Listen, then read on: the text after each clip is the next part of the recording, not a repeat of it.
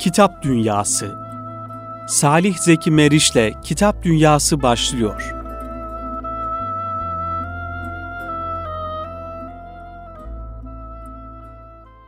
Hayırlı akşamlar diliyoruz. Bir Kitap Dünyası programı ile tekrar birlikteyiz. Kıymetli tarihçi, yazar hocamız Dursun Güllek Bey ile beraberiz. Ee, kendileriyle Kubbe Altı e, Kültür Merkezi'nde, Kubbe Altı yayınlarında buluştuk. Ee, bir cumartesi gününde lütfettiler, kabul ettiler. Ee, inşallah Dursun Güllek hocamızı program boyunca dinleyeceğiz. Biraz daha yakından tanımaya çalışacağız.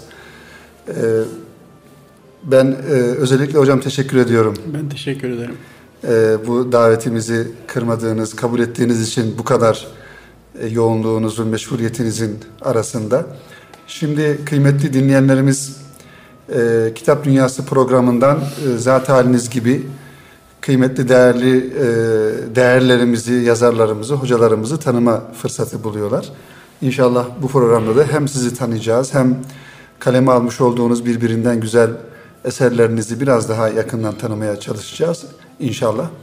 E, Dursun Gürlek hocamız şöyle hayat hikayesinden kısaca bir başlangıç yapsa biyografisinden dinlesek evet, inşallah. Bana kendime dair e, başlığı altında bilgiler verdirtmek istiyorsunuz. Sualinizden bunu anladım. Evet. Efendim e, bir insan kendi kendini nasıl değerlendirir, nasıl anlatır diye bir soruyu ben yine kendime yönelterek soracak olursam şöyle cevap veririm, Buyurun. şöyle cevap verebilirim. Bizde bu bir gelenek halinde vardır. Mesela Katip Şelebi kitaplarından birinde kendi hayatını anlatıyor. Mesela Hüseyin Vassaf yine eserlerinden birinde hayatı hakkında bilgi veriyor. Mesela büyük tarih bilginimiz, kitabiyat bilginimiz İbnül Emin Mahmud Kemal Bey Son Asır Türk Şairleri isimli o kıymetli o muhallet eserinin sonunda hı hı. Kendime dair başlığı altında uzun uzun anlatıyor. Bence bunlar çok önemli çünkü bir yazarı, bir şairi, bir sanatkarı, bir ilim adamını en iyi kendisi tanır. Evet. O bakımdan şairlerin, yazarların, ilim adamlarının kendi hayatlarıyla ilgili verdikleri bilgilere ben itimat ederim, güvenirim. Efendim başkalarının yazdıklarında belki bir eksiklik, fazlalık, yanlışlık bulunabilir ama kendilerinin verdiği bilgiler sağlamdır. Gerçi ben bu saydığım isimler kadar e, önemli, efendim bilgili ve meşhur bir yazar değilim. Ama usule uyarak evet. ben de birkaç cümle Buyurun söylemek hocam. isterim. Buyurun. Evet. Ee, 1952 yılında Tokat'ın Turhal ilçesinin Üzümören köyünde dünyaya geldim, gelmişim. Efendim, biraz latife yapmak gerekirse geliş o geliş. Efendim, evet. Cenab-ı Hak ne zaman emrederse o zaman da inşallah beka alemine gideceğiz. Dönüş olacak. Dönüş olacak. Evet. Dönüş var zaten Kur'an-ı Kerim'de ayeti kerime var değil mi? Evet. İrci'i emri var. Evet. İrci'i. Bak şair ne güzel söylemiş. Erişince irci'i emri dedim Allah'a eyvallah. Evet. Ee, ne kadar güzel. Yani irci'i emri erişince biz de inşallah tabii ki emre uyacağız. Neyse Cenab-ı Hak hepimize bir ömür vermiş. 30 sene, 40 sene, 50 sene, 70 sene, 100 sene. Bu ömür en kıymetli sermaye. Evet. Her değerli sermayeden daha değerli bir sermaye ama hadis-i şeriflerde de buyurulduğu gibi biz bu sermayeyi maalesef e, yerinde ve hakkıyla harcayamıyoruz. Suyu istimal ediyoruz, etmemek lazım. Ömür çok kıymetli sermaye. Bir büyük zatlardan birine ait şöyle bir söz hatırlıyorum. Ömür Allah'ın insana tövbe etmesi için verdiği bir mühlettir diyor. Çok güzel bir söz değil mi? Evet, evet. Hocam. Tövbe etmesi için Allah'ın o insana verdiği bir mühlettir. Evet, biz bir yandan tövbe edeceğiz, bir yandan da ilim yapacağız. İlim neyle yapılır? Alimle ve kitapla. Zaten alimle kitap birbirinin mütemmimidir, tamamlayıcısıdır. Her alimin kitabı vardır, istisnalar hariç. Öyle alimler de vardır ki kendisi çok bilgin olmasına rağmen hafızası, mahfuzatı çok zengin olmasına rağmen kitap yazmamışlardır. Ama onları da suçlamamak lazım. Onlar da canlı kitaplar yazmışlardır. Ne demektir canlı evet, kitap? İnsan yetiştirmişler. İnsan tabii. yetiştirmişlerdir. Ee, sorulan suallere cevaplar vermişlerdir. Kaynak göstermişlerdir. Bizim yakın tarihimizde de böyle zatlar var. Bir İsmail Sahip Sencer Hoca Efendi vardır ki kendisi uzun yıllar Beyazıt Devlet Kütüphanesi'nin müdürlüğünü yapmıştır. Hakikaten büyük bir allame idi ve e, bildiğimiz manada kitap yazmamıştır ama canlı kitaplar yazmıştır. Birçok bilgin yetiştirmiştir. Efendim Bursalı Mehmet Tahir gibi büyük zatlar bile efendim onun rahle-i tedrisinde yetişmiş. Evet. E, o bakımdan tabi biz kitap deyince alimi, alim deyince de kitabı anlıyoruz ama asıl olan tabi kitaptır ve unutmak lazım ki bütün kitaplar efendim kitaplar kitabı olan Kur'an-ı Kerim'in daha iyi anlaşılması, tefsir edilmesi için kaleme alınmıştır dersek yine tarihi bir gerçeği dile getirmiş oluruz. Hocam şimdi e, şöyle bir soru e, sorsak zaten halinize. Tabii siz mütevazilik yapıp örnek vermiş olduğunuz insanlarla kendinizi kıyaslamadınız. Ama hakikaten Dursun Gürlek Hoca bizim gibi genç nesle göre yaşayan ve hayatta olan en önemli tarihçilerimizden bir tanesi. Teşekkür ederim. Biz sizleri hem kitaplarınızdan tanıyoruz hem de televizyon ekranlarında yapmış olduğunuz e, güzel tarihi e, programlarla yakından tanıyoruz. Tabii e, geçmişinize, sizin hayat hikayenize baktığımızda, biyografilerinizden okuduğumuzda da bir tarihçi olarak e, aynı zamanda bir edebiyatçı yönünüzde e, şüphesiz Tabii var. asıl branşım edebiyattır Edebiyat, benim. evet. Yani tarihçi biliniyor isem de asıl branşım e, ihtisas alanım edebiyattır. Ama unutmayalım ki edebiyat ve tarih birbirinin lazımı gayri mufarıkıdır. Evet. Yani ayrılması mümkün olmayan iki parçadır. Nitekim bazı meşhur şairlerimizin aynı zamanda tarihçi olduğunu da biliyoruz. Buna Evet. bir misal vermek gerekirse Yahya Kemal'den söz edebiliriz. Bu büyük şairimizin aynı zamanda tarihçi olduğu da bir gerçektir. Nitekim daha sonraki yazıları, daha sonra tarihle ilgili yazılar, ilgili kaleme aldığı yazılar tarih müsahebeleri adı altında kitaplaştı. Daha başka şairleri de, tarihçi olan şairleri de veya şair olan tarihçileri de buna misal verebiliriz. Efendim onun için benim esas saham edebiyattır ama dediğiniz gibi tarihle de son derece meşgulüm. Ben de kitap e, okuma, kitaba ilgi duyma çok erken bir yaşta Evet, ben onu başladı. soracaktım. Ne zaman başladı? Hem Evet. kitaba hem tarihe olan ilginiz hocam. Çok erken başladı. İlkokulda başladı. Hatta diyebilirim ki ilkokula bile gitmeden çünkü ilkokula kaydolmadan önce ben okuma yazmayı hemen hemen sökmüştüm. Benden önce giden mahallemizdeki çocuklardan öğrenmek suretiyle evimizin duvarlarını çizerek, harfleri yaparak, resimler yaparak okuma yazmayı öğrenmiştim. Hatta ilkokul 3. sınıftayken e, öğretmenim 5. sınıftaki bir öğrenciyle de yarışmaya sokmuştu. Efendim mahallemizin camisinde e, Ramazanlarda vaaz eden bir hocamız vardı Allah rahmet eylesin. Onun elinde de bir kitap vardı. O kitaptan vaaz ediyordu. Benim merak ederdim o kitabı. Namazdan sonra efendim e, kitabı isterdim.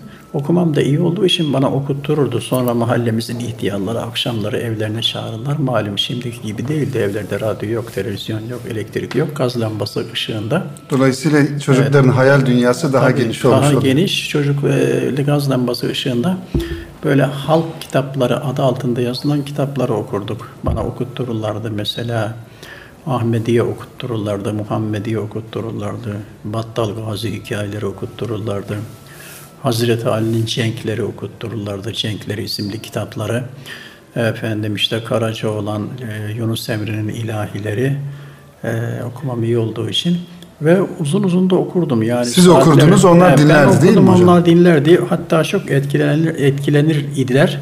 Bazen ağlarlardı, gözlerinden yaş gelirdi, duygulanırlardı. Ee, yaşlı yaşlı insanlar, nur yüzlü, beyaz sakallı. Onlar etkilendikçe, onların hoşuna gittikçe ben de sevinirdim. Biraz da iştahım kabarırdı okumaya. Bir oturuşta yani 15, 20, 30, 40, 50 sayfa okuduğumuz olurdu.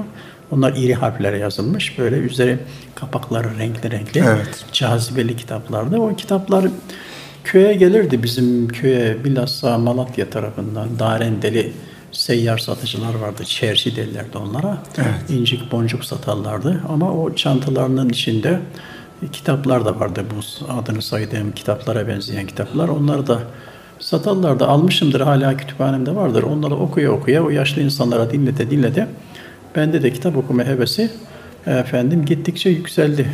Ve Allah'a şükürler olsun aradan bu kadar zaman geçmiş 40 seneden fazla. Evet. Efendim o okuma zevkinde hiçbir eksilme olmadı. Bilakis daha da arttı. Halen efendim hem de e, birkaç kitap birden okurum. Evet. Efendim ömrümüz keşke biraz daha uzun olsa da hep okuma zevkini yaşasak. Okuma hakikaten bir zevktir ve gıdadır. E, malum iki türlü gıda vardır. Maddi gıda, manevi evet. gıda. Vücudumuzun beslenmesi için maddi gıdaya ihtiyacımız var. Günde iki defa, belki üç defa yemek yiyoruz. Zaruridir, yemezsek yaşayamayız. Bu maddi gıdadır. Manevi gıda da okumaktır. Efendim, e, bunun da e, tam olarak alınması gerekiyor. Maddi gıda eksik olduğu zaman parazit, hastalık meydana gelirse ki gelmesi normaldir. Manevi gıda eksik olunca da manevi aksaklıklar meydana gelir. Zaten bir Müslüman için manevi gıda alması emredilmiştir. Kur'an-ı Kerim'de ilk e, ayet değil mi? İkra, oku. Evet. O bakımdan bu bir telezzüzdür, lezzet almadır, manevi haz duymadır. Zaten aç bir insan hem de epeyce aç kalmış bir insan nasıl lezzetli yemek yerse manevi açlık hisseden kimsenin de e, kitapları o lezzetle okuması gerekir. Buna işte manevi lezzet diyoruz. Kitap okumak, kitap okutmak, sohbet dinlemek, sohbete gitmek, konferanslara müdavim olmak ve benzeri hareketler manevi gıdaların başında geliyor. Unutmayalım bizim medeniyetimiz bu bakımadan kitap medeniyetidir. Evet. İslam tarihine baktığımız zaman Emeviler, Abbasiler zamanında büyük kütüphanelerin kurulduğunu görüyoruz. Beytül Hikmelerin Bağdat'ta, Samarra'da, Şam'da, Kahire'de, İstanbul'da, Bursa'da, efendim Şehzade şehirlerinde, tarihi şehirlerde muazzam kütüphanelerin olduğunu görüyoruz. Efendim okuma seansları olurmuş bizde yani eskiden. Efendim işte sonra unutmayalım kitabın ilk mekanı camilerdir. Yani Osmanlı Hı.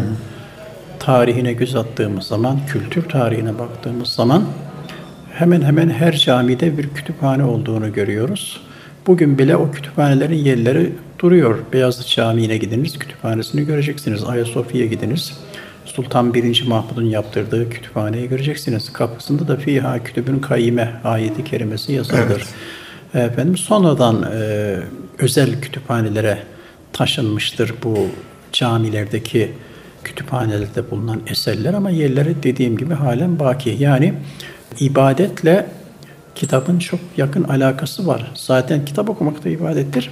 İbadet kelimesini dar kapsamlı anlamamak lazım. Geniş evet. kapsamlı. Okumak evet. ve okutmak, okumak ve okutmak da ibadettir. Hocam son e, yıllarda e, sizin tarihçi olmanız hasebiyle dikkatinizi şüphesiz çekmiştir. Son yıllarda e, özellikle ülkemizde e, medya kanalıyla tarih programları yapılıyor. Evet. Birincisi bu tarih programlarını nasıl görüyorsunuz? Faydalı veya e, zararlı, faydasının az olması noktasında. Hı hı. İkinci boyutu da yani toplumda bir tarih bilincinin eskiye nazaran geliştiğini düşünüyor musunuz? Özellikle yeni nesilde. Ve bu e, bilinç bilinç gelişmişliği geçmişimize sahip çıkma noktasında bir heyecan oluşturur mu? Bir fayda sağlar mı? Nasıl evet, bakıyorsunuz? Senin de söylediğin gibi son zamanlarda tarihe karşı bir alaka, bir ilgi uyanmış durumda. Ben, Bu sizi memnun ediyor ben mu birincisi? Bundan e, tabii ki memnun oluyorum. Efendim işte e, televizyonlarda tarihle alakalı programlar yapılıyor. Belediyelerin kültür müdürlüklerinde daha başka özel müesseselerde tarih sohbetleri gerçekleştiriliyor. Bu milletimizin artık dünkü medeniyetiyle tanışmak istediğini, ecdadını tanımayı arzu ettiğini, dünkü kültürümüzün güzelliklerine vakıf olmayı istediğini gösteriyor. Bir müjdedir, güzel bir gelişmedir. Evet. Ama unutmayalım ki e, iyinin, güzelin sınırı yok. Mevcut sohbetleri, programları, etkinlikleri tasvip etmekle beraber, bu programlardan memnun olmakla beraber yeterli bulmuyorum. Medeniyetimiz, tarihimiz, kültürümüz, kültür dünyamız çok zengin. Ee, bu zenginliği, bu tarih hazinesindeki mücevherleri yeni nesillere intikal ettirebilmek için daha geniş kapsamlı, daha sevdirici, daha ilgi çekici programların yapılması gerekiyor. Unutmayalım ki tarih geçmişe ait lüzumsuz bilgiler değildir. Çünkü geçmiş diye bir şey yoktur. Zaman izafidir. Şu içinde bulunduğumuz saat bir saat sonra geçmiş olacaktır. Evet. Hayır, o isimlendirme yanlıştır. Hala biz e, Sokrat'tan, Eflatun'dan, Aristo'dan, İbn Sina'dan, Gazali'den, Mevlana'dan bahsediyoruz. Halbuki bunlar 500 e, sene, 750 sene, 1000 sene, 2000 sene önce yaşamış kimseler. Ama eserleri eskimiyor. Hı hı. Öyleyse tarihe günün meseleleri diye bakmak lazım. Nitekim Ömer Hayyam'ın şu sözü benim çok hoşuma gider. Tarih kainatın vicdanıdır der. Bu vicdanın sesini daima dinlemek lazım. Yani dünyada tarihi en zengin olan milletlerden biriyiz ama bu zenginliğe doğru orantılı olarak efendim yeteri kadar tanıtamıyoruz. Bende böyle bir üzüntü var ama e, ümidim de şu ki güzel bir gelenek başlamıştır. Bu daha da geniş kapsamlı bir hale gelerek devam edecektir. Ondan dolayı da memnunum. Şimdi bizi dinleyen e, şüphesiz e, dinleyicilerimiz arasında e, tarih öğrencileri vardır ya da tarihe öyle ya da böyle alaka duyan insanlar vardır. Hı hı. Ee, özellikle öğrenci kardeşlerimiz için e, öğrenci, e, nasıl tavsiyeleriniz olur? Yani tarihçi olmaları. şunu tavsiye edebilirim. Lisedeki hatta üniversitedeki derslerle yetinmesinler. Efendim e, resmi tarihleri mecburen okuyacaklar, okudular ve efendim sınavlarda başarılı not alıp geçtiler diyelim ama yeterli değil bu. Ve acı bir gerçektir. Resmi tarihin bütün yazdıklarına da güvenilmez. Gayri resmi tarihlerin de okunması gerekir. Bizim nesil gayri resmi tarihleri çok sevmiştir. Yani hayran olduğumuz birkaç tarihçiden bahsetmek gerekirse, Profesör İsmail Hakkı Uzun Çarşılı'nın, rahmetli Yılmaz Öztan'ın, rahmetli Ziya Nur Aksun Bey'in efendim Osmanlı tarihleri son derece kıymetli eserlerdir. İsmail Hami Danişmet Bey'in Osmanlı tarihi kronolojisi, efendim işte Reşat Ekrem Koçu'nun İstanbul Ansiklopedisi ve diğer kitapları Osmanlı tarihini bize geniş kapsamlı bir şekilde ve olanca kültürel özellikleriyle tanıtması açısından vazgeçemeyeceğimiz eserlerdir. Bence Mehmet Akif Yahya Kemal Beyatlı, Necip Fazıl Kısakürek gibi bizi çok e, etkileyen şair ve yazarların eserleri de tam bir tarih ve kültür hazinesidir. Vesika Evet, demin dediğim gibi mesela aynı zamanda şair, aynı zamanda tarihçi insanlar var. Necip Fazıl merhum da onlardan biridir. Necip Fazıl'ın şiiri ve şairliği tartışılmaz ama öyle eserleri var ki doğrudan tarihle ilgilidir. Mesela tarihte büyük mazlumlar, efendim işte e, son devrin din mazlumları ve daha başka birçok eserleri e, şöyle veya böyle tarihle ilgilidir. Mehmet Akif'in eserleri de Safahat aynı zamanda e, bir tarih eseridir. Oradaki anlatılan olaylara bakarsak mecburen tarihin derinliklerine gidiyoruz. Bunları birbirinden ayırmak mümkün değil. Yani bu saydığım isimleri ve benzeri olan şahsiyetleri gençlerimizin iyi tanıması gerekiyor ve bir yazarı bir eseriyle değil de külliyatıyla tanımak lazım bütün eserlerini okumak lazım. Peyami Safa'yı okumak lazım. Efendim işte Nurettin Topçu'yu okumak lazım. Çimil Meriç'i okumak lazım. Bunlar yakın tarihimizin önemli şahsiyetleri. Evet. Yani tarih az önce de ifade ettiğim gibi geçmiş zamanda kalmış bilgi kırıntıları değil, bilakis orijinaldir. Efendim işte günümüzün bilgileriyle ilgilidir, günümüzün gelişmeleriyle ilgilidir. Zaten büyük alimler, daha doğrusu büyük devlet adamları tarihi iyi bilen insanlardır. Bunların başında Fatih Sultan Mehmet geliyor mesela. Evet. Diğer Osmanlı padişahları da tarihe meraklı. Tarihe meraklı olmasalardı bu kadar uzun süre e, devam eden bir devletin idarecisi olabilirler miydi? Evet. Zor. Kıymetli hocam, e, şimdi e, Kur'an-ı Kerim'in e, malum üçte biri kıssalarla evet. e, doludur. E, tabii kıssa denilirken aslında dilimizde, liter edebiyatımızda kıssanın belki biraz daha farklı anlamı var ama halbuki Kur'an-ı Kerim'de anlatılan hadiseler bir yönüyle günümüzden baktığımızda tarihi gerçekler, tarihi hadiseler. Hı hı. Nitekim peygamberlerin yaşamış olduğu hayatlar da hı hı. bir yönüyle e, şu ana göre tarihi e, hadiseler olmuş oluyor. Siz bir tarihçi gözüyle Kur'an-ı Kerim'e bu e, noktadan baktığınızda nasıl değerlendiriyorsunuz Kur'an-ı Kerim'in üçte birinin kıssa olmasını? Evet, benim bildiğim şu, kıssa hisse içindir. Yani e, bir yazar, bir ilim adamı kitabında bir hikaye anlatıyorsa, bir kıssa naklediyorsa sırf hikaye anlatmak için bu yola başvurmuyor. Evet. Bilakis e, söyleyeceği zihinlere daha iyi yerleşsin, vereceği ana fikir daha iyi kabul görsün diye e, hikayeye, kıssaya başvuruyor. Çünkü insan hafızası, insan zihni mücerret kavramları, efendim misal örnek vermeden anlatılan hadiseleri kavramakta biraz zorlanabilir. Ama onu siz hikayenin, kıssanın ambalajıyla ambalajlayıp anlatırsanız hı hı. akılda daha iyi kalır. Bu metodu bildikleri için Osmanlılar devrinde birçok kitaplarda hikayeye ve kıssaya çok yer verilmiştir. Efendim bizde tabi e, mizah denilince, hikaye denilince akla Nasrettin Hoca merhum geliyor. Hocanın sadece güldürmek için o hikayeleri, o fıkraları anlattığını zannederseniz yanılırsınız. Evet. Hoca büyük bir alimdir. Hatta mutasavvıftır. Efendim e, asıl orada söylemek istediğini bir latif fıkrayla anlatır. Böyle yüzlerce misal verebiliriz. Tabii ki Kur'an-ı Kerim'deki bu metodun ne kadar isabetli, ne kadar yerli yerinde olduğunu e, ben bilemem o müfessirlerin işi ama anlayabildiğim kadarıyla Cenab-ı Hak ayetleri efendim işte böyle kıssalarla e, Allah tarafından indirilen bu ayetler kıssalarla insanlara anlatılıyor ki dediğim gibi insanlar bunları daha rahat anlasın diye. O bakımdan hikayedir, masaldır, kıssadır diye küçümsememek lazım. Tabi bu da ikiye ayrılıyor. Hakikaten bir ciddi hikayeler var, olmuştur.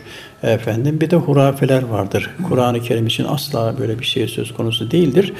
E, mevzuya dikkatli yaklaşmak gerekir, küçümsememek lazımdır. Nitekim Kur'an-ı Kerim'in bu metodunu az önce söylediğim gibi alimlerimiz de uygulamışlardır. İşte buyurun Hazreti Mevlana'nın altı ciltlik mesnevisi baştan sona hikayelerle doludur. Ama e, Hazret o hikayelerinde asıl söylemek istediğini söyler. Yani hisse içindir. Mevlana'yı misal veriyoruz. Diğer eserler öyledir. Mesela Bostanı Gülistan'ı alın. Şehzade Şirazi Hazretlerinin. Aynen o da hikayelerle hem de vurucu hikayelerle anlatmak istediği mevzuyu anlatır ve e, öyle güzel anlatır ki o üslupla size konu çok cazip hale gelir.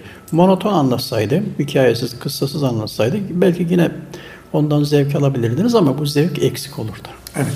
Hocam yeni nesilden e, özellikle tarih hususunda ümitli misiniz? Sizin öğrencileriniz var. Muhtelif yerlerde mesela şu an içinde bulunmuş olduğumuz bu güzel mekanda Kubbe Altı Kültür Merkezi'nde Kubbe Altı yayınlarında e, dersler yapıyorsunuz. Osmanlıca dersleri yapıyorsunuz. Evet. Gençlerle haşir neşirsiniz bu yönüyle. Ümit var mısınız? Ee, ee, özellikle yeni ümit nesille var, alakalı. Tabii çünkü e, aksini söylemem mümkün değildir. Aksini söylersem la teknetu min rahmetillah ayetinin efendim e, şumulüne girerim diye korkarım. Evet. Allah'tan ümit kesmeyin buyuruluyor. Ee, ümit varım ee, dediğiniz gibi kubbe altı başta olmak üzere 4-5 yerde Osmanlıca dersleri veriyorum. Onları hocam ifade edelim. Evet. Dinleyenlerimiz de yani ilgili evet, olanlar işte, e, ulaşmak isterler. Kültür ve Sanat Vakfı bura. Burada 12-13 yıldır ders veriyorum cumartesi günleri. Beyazıt'ta Kubbe Altı. Çemberli evet. Taş'ta. Evet. Saat 11'de başlar her cumartesi. Efendim e, ayrıca Fatih'te Hoca Üveys Kültür Merkezi'nde salı günleri veriyorum 2 e, ile 4 arası. Üsküdar'da hemen sahile yakın Balaban Tekkesi'nde yine cumartesi saat 4 ile 6 arasında veriyorum. Efendim e, bunun dışında da tarih ve kültür sohbetleri oluyor. Mesela Kubbe Altında her ay sohbetimiz var. Efendim bunlar devam ediyor. Lakin e, tabii ben bunlardan memnun olmakla beraber yeterli bulmuyorum. e, bunun heyecanını yaşadığım için dünkü medeniyetimize ait güzellikler daha çok öğrenilsin, daha büyük bir kitle tarafından ilgi çeksin diye heyecanlanıyorum. Ama ümitliyim tabii. Yani 30 sene, 40 sene öncesini gözümün önüne getirince bugünkü manzara güzel. Ve bu kurslara her kesimden insan geliyor, her yaştan insan geliyor. Doktoru var, avukatı var, üniversite öğrencisi var, ev hanımı var, daha başka mesleklere mensup insanlar var. Ee, Ekim ay, Ekim'in başında başlar kurslarımız, Mayıs'ın sonunda biter. Ee, bu bir dönemdir. İki dönem birleştiriyoruz. Bir dönem yapıyoruz. Yani 7 veya 8 aylık bir dönem. Hatta 2-3 sene, 4-5 sene hiç ara vermeden dersimize gelenler var. Çünkü bizim derslerimiz biraz nevi şahsına münhasır oluyor. Evet. Yani klasik ders vermiyorum ben burada. Osmanlıca metinleri okuturken metinlerden geçen kelimelerden, şiirlerden, deyimlerden, kelamı kibarlardan yola çıkarak konunun arka planını anlatıyorum. O konuyla ilgili bir şiir, fıkra, efendim kıssa naklediyorum. Canlı ve heyecanlı bir ortamda derslerimiz devam ediyor. İki saatlik ders süresi bittiği halde öğrencilerimizin gitmek istemediklerini, dersin daha da uzatılması gerektiğini söyleyenler dahi oluyor. Evet hocam. Biz de tabii bu çalışmalarınızın inşallah devam etmesini arzu inşallah. ediyoruz. Ee, şimdi bir de televizyon programlarınız var. Onlardan evet. devam eden şu an... Muhtelif e... televizyonlarda programlar yaptım. Efendim işte TV5'te yaptım, CNN Türk'te yaptım. TRT 2'de yaptım, Mehtap Televizyonu'nda yaptım.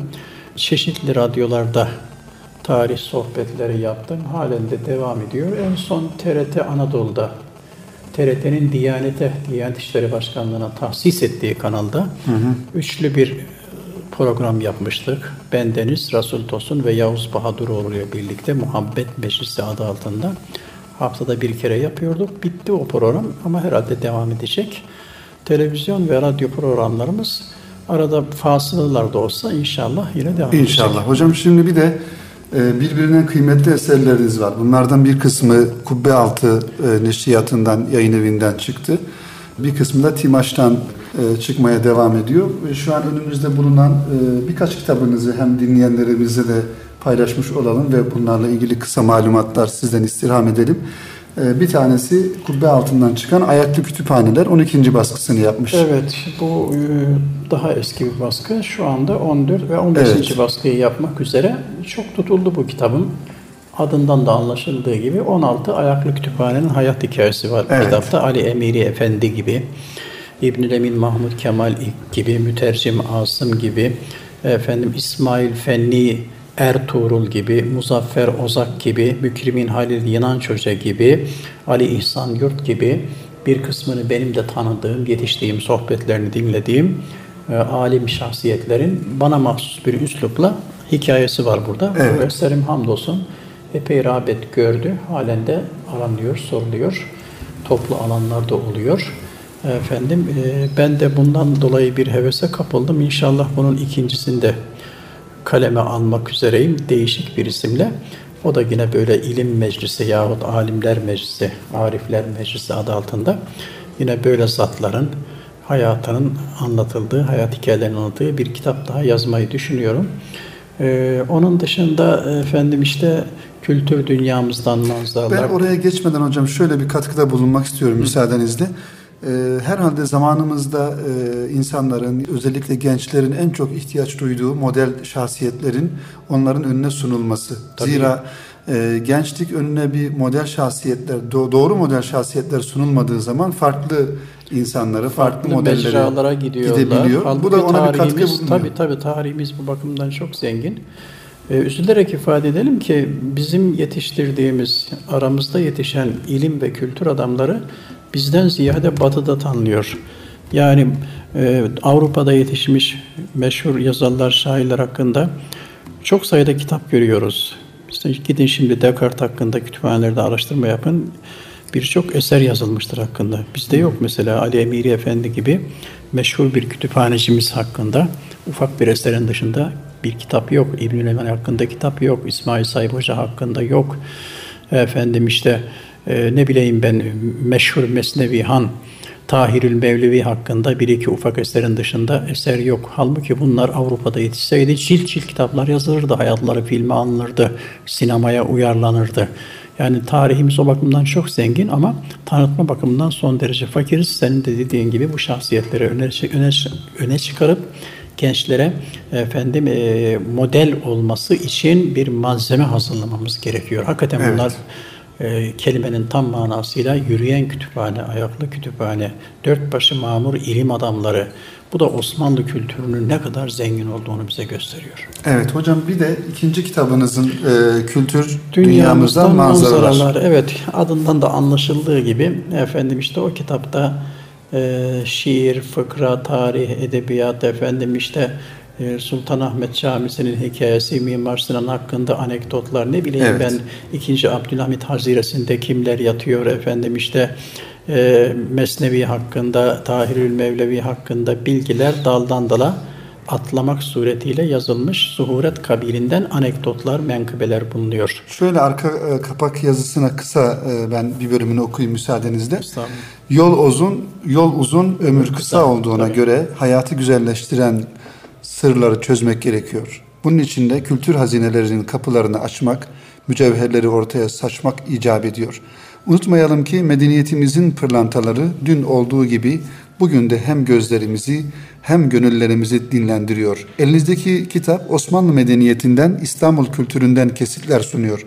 Evliya Çelebi'den anekdotlar, eski kitapların tozlu sayfalarında unutulmaya yüz tutan latif latifeler, Süleyman Nazif'ten fıkralar, hediyelik altınlar, camilerimizi süsleyen şah eser tablolar, eli öpülecek insanların özellikleri, Mehmet Akif'in gözünü yaşartan sahneler, şair Haşmet'ten haşmetli sözler, şifalı tozlar, Mevlevi medeniyetinden ibretler, uyuyanları uyandıracak fıkralar, kültür dünyamızdan manzaraları oluşturuyor demişsiniz. Evet, kitabın özeti o arka kapakta var. Yani bu kitabı okuyan bir kardeşimiz Süleymaniye Camisi'nin yanındaki Kanuni Sultan Süleyman Türbesi'ne girerken türbenin kapısındaki evet. mücevheri daha doğrusu Hacer-i Esved'den parçaları görecek.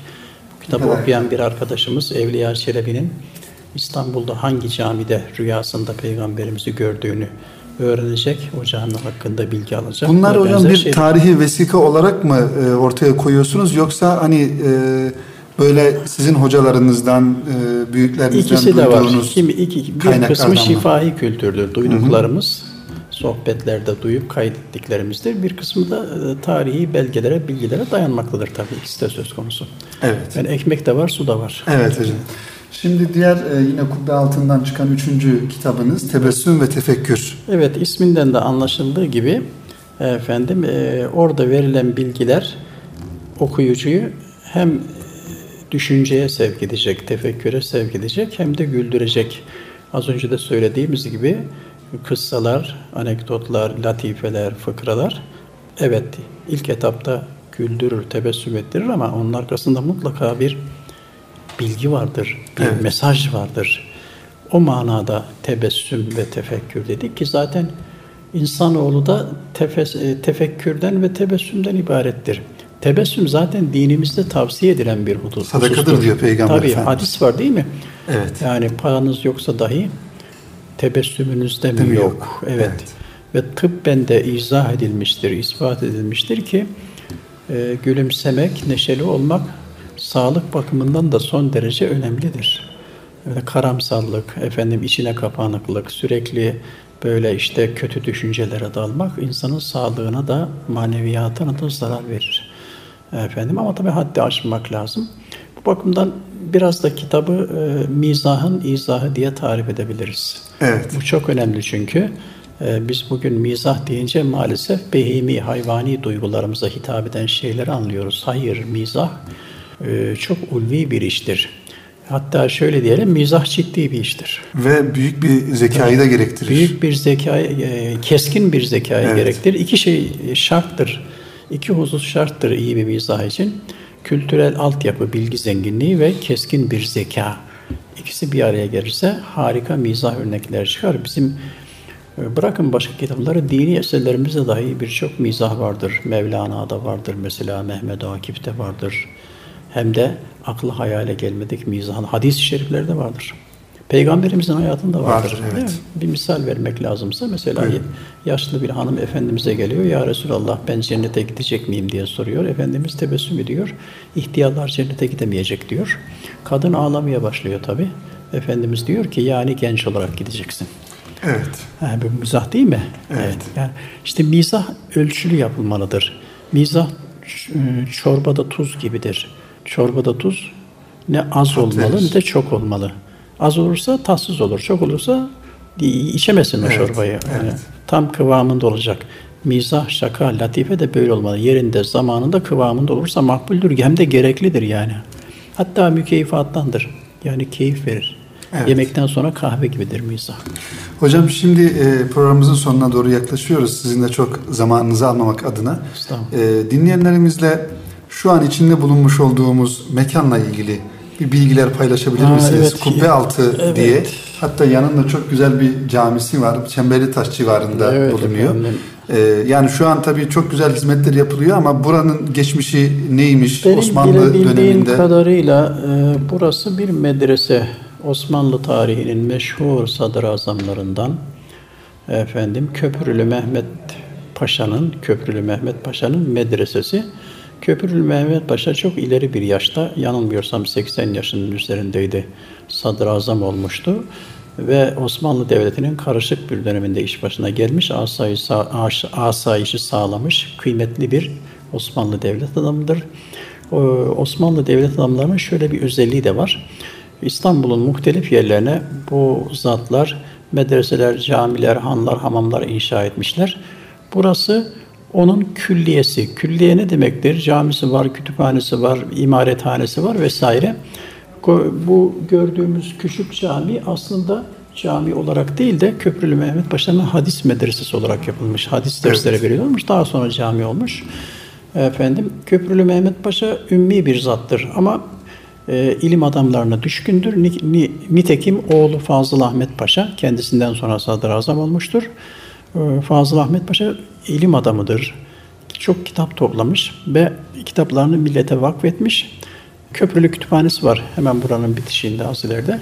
Köprülü Kütüphanesi işte m, Köprülü Mehmet Paşa'nın oğlu Fazıl Ahmet Paşa'nın kitaplarının toplu olduğu kütüphanedir. Şu an o kitaplar Ee, orada. O, tabii halen faal haldedir. Bu Köprülü ailesi böyle zengin bir aile. Tabii Cumhuriyet döneminde 70'li yıllara kadar buralar çeşitli hizmetlerde kullanmış. Bir ara terk edilmiş, perişan halde e, kendi haline, kaderine terk edilmiş. 70'li yıllarda efendim e, mekanları cennet olsun, kültür dünyamızın çok önemli isimleri e, Ekrem Hakkı Ayverdi, Samiha Ayverdi, Nihat Sami Banarlı gibi isimler. Buralarda bu mekanda işte böyle ilim, kültür, sanat hizmetleri başlatıyorlar. Ta o yıllardan itibaren burada tesip dersleri veriliyor, musiki dersleri veriliyor, hat dersi veriliyor, Osmanlıca dersleri veriliyor. İşte 5 10-12 yıldır bendeniz veriyorum. Buna benzer e, etkinlikler gerçekleştiriliyor. Güzel bir hizmet, kültür hizmeti, ilim hizmeti, irfan hizmeti olarak devam ediyor. Evet hocam son olarak e, bizleri şu an radyoları başında dinleyen Erkam Radyo dinleyenlerine bir e, tarihçi yazar olarak bir e, eğitimci olarak e, neler söylemek istersiniz? Evet, dinleyenler deyince benim aklıma şöyle bir husus geliyor tabii. Efendim kulak çok önemlidir. Hatta gözden bile ağızdan bile önemli. Çünkü hani derler ya bir ağız yani bir konuş iki dinle. Evet. E, Ben deniz de dinleyerek çok şey öğrenmişimdir. İstanbul'a 70'li yılların başında gelmiştim. Sohbetlere, kültür sohbetlerine gitmiştim. O büyük zatları dinlemiştim. Halen de dinlemeye layık kimseler olursam dinlemeye devam ederim. Ben halen radyo dinleyicisiyim. Yani Türk sanat musikisi, bazen sohbetleri falan dinlemeye önem veririm. Efendim eskiden böyle e, sırf büyük zatları, büyük alimleri dinleyerek hoca olan, ilim adamı olan zatlar varmış da. Belki de ilk defa duyacaksınız bunu. Evet. Bunlara kulak mollaları derlermiş. çok Ya, ilginç. O bakımdan Erkam Radyo'nun dinleyicilerine inşallah kulak mollaları olurlar. İnşallah efendim. Çok teşekkür ederiz Ben hocam teşekkür zaman ayırdığınız için kıymetli Eyvallah. zamanınızı. Kıymetli Erkam Radyo dinleyenleri Kitap Dünyası programının sonuna geldik. Bu haftaki programımızda tarihçi yazar Dursun Güllek hocamızla kısa bir sohbetimiz oldu. İnşallah faydaya medar olur. Bir sonraki programda buluşmak ümidiyle efendim. Hayırlı günler, hayırlı akşamlar diliyoruz.